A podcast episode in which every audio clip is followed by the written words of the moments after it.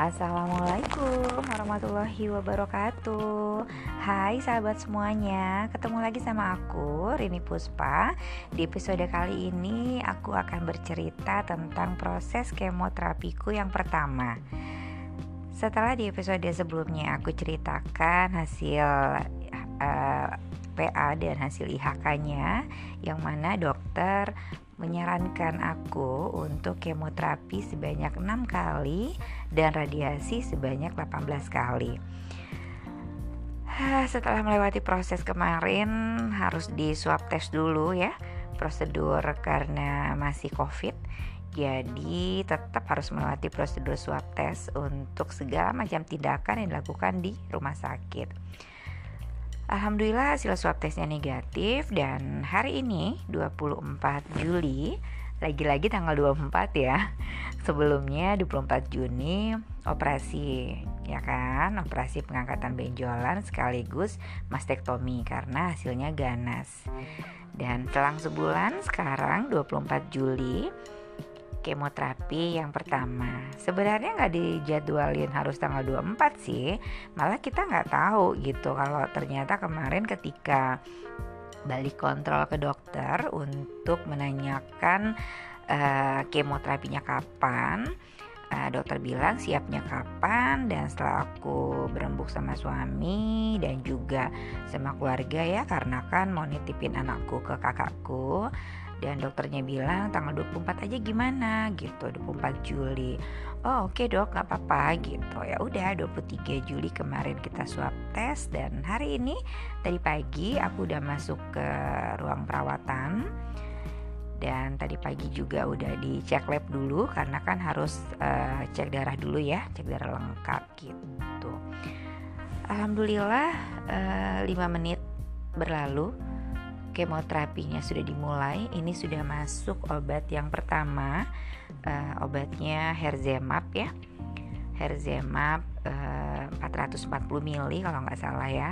Ini baru aja masuk dan kata susternya sih berjalan kurang lebih 2 jam obat ini setelah itu nanti baru dibilas dulu istilahnya dibilas ya dimasukin NaCl gitu cairan NaCl nanti habis itu baru obat yang kedua.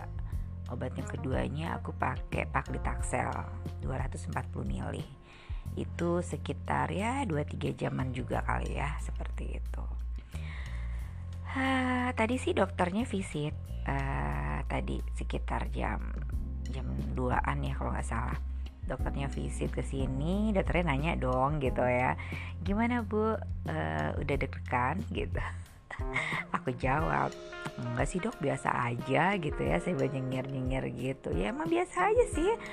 Uh, efek samping dari kemoterapi itu pasti ada ya kan?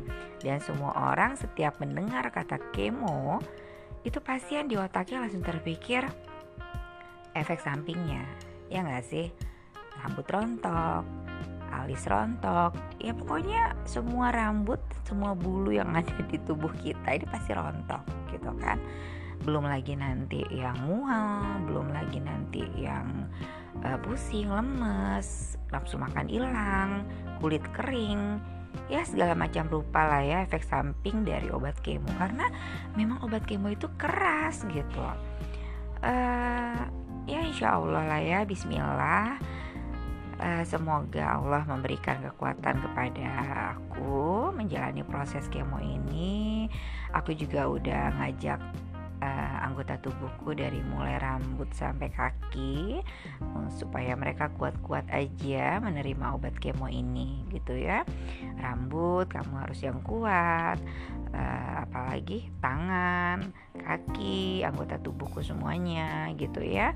Uh, kita harus sama-sama kuat untuk menerima obat kemo ini karena obat kemo itu bekerja memang menghancurkan sel-sel kanker ya, sel-sel kanker.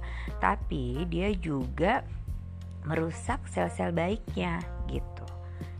Karena uh, ya memang keras obatnya itu. Tadi aja susternya ke sini pakai peralatan khusus ya, pakai baju uh, khusus gitu kan.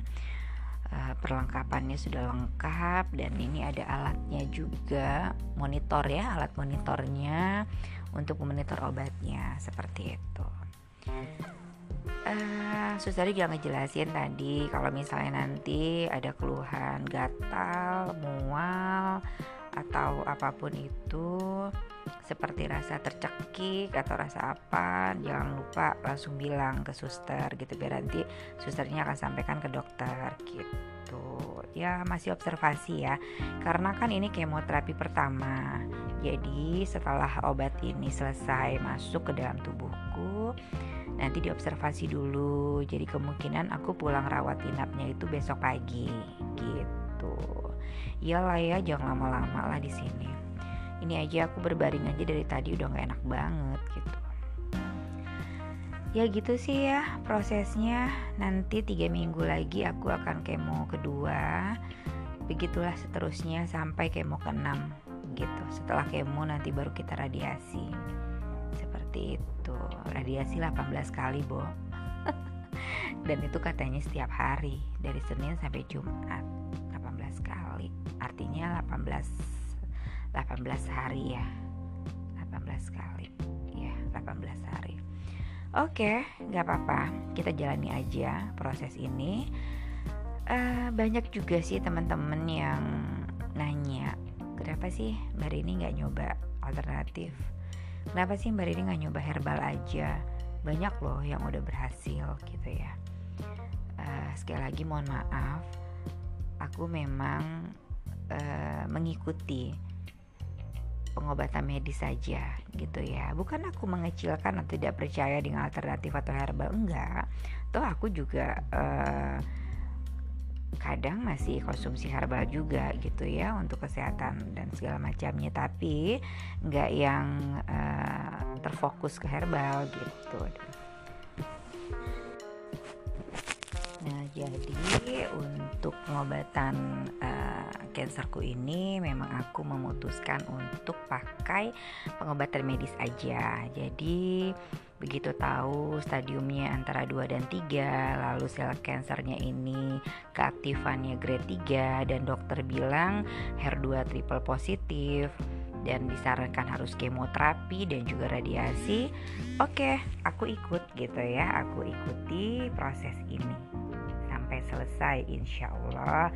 Semoga Allah juga selalu memberikan kekuatan buat tubuh aku keberkahan kemudahan rezeki juga untuk aku dan suami biar bisa uh, apa namanya uh, terus membiayai untuk si pengobatan terapi ini gitu.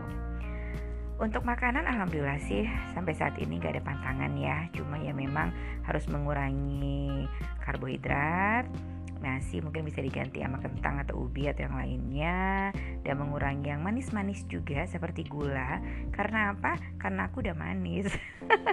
Enggak sih ya memang memang harus menghindari yang manis-manis. Karena sel cancer itu dia senang sama yang manis-manis. Makanya karena aku manis dia suka deh sama aku kan? Jadi dia deket-deket sama aku gitu ya.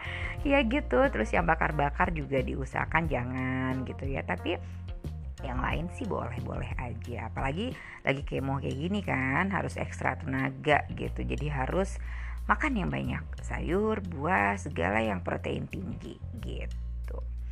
Itu aja ya aku mau ceritain yang mau aku sharing. Intinya sih untuk teman-teman di luar sana yang sedang mendengarkan podcast aku ini jikalau punya saudara atau punya uh, kenalan atau diri teman sendiri yang mengalami hal yang sama seperti yang aku alami, gak usah takut, kita harus tetap semangat karena kuncinya utama adalah semangat. Tentunya selain doa ya kepada Allah, kita juga harus semangat karena kalau kita nggak punya semangat hidup, semangat untuk sehat, semangat untuk berobat, ya udahlah ya. Nggak ada artinya lagi hidup kita gitu ya. Tinggal nunggu dipanggil Allah aja deh. Tapi kan kita nggak mau pulang buru-buru kan. Kita masih mau mengejar impian kita kan. Nah makanya kalau mengalami hal yang sama seperti aku hayu kita sama-sama berobat.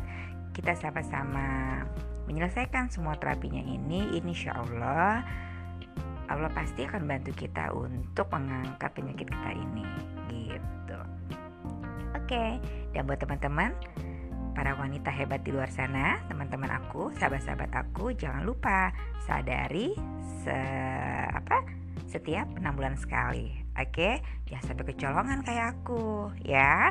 Oke, doakan aku kuat-kuat terus ya. Salam semangat, sehat. Bye. Assalamualaikum.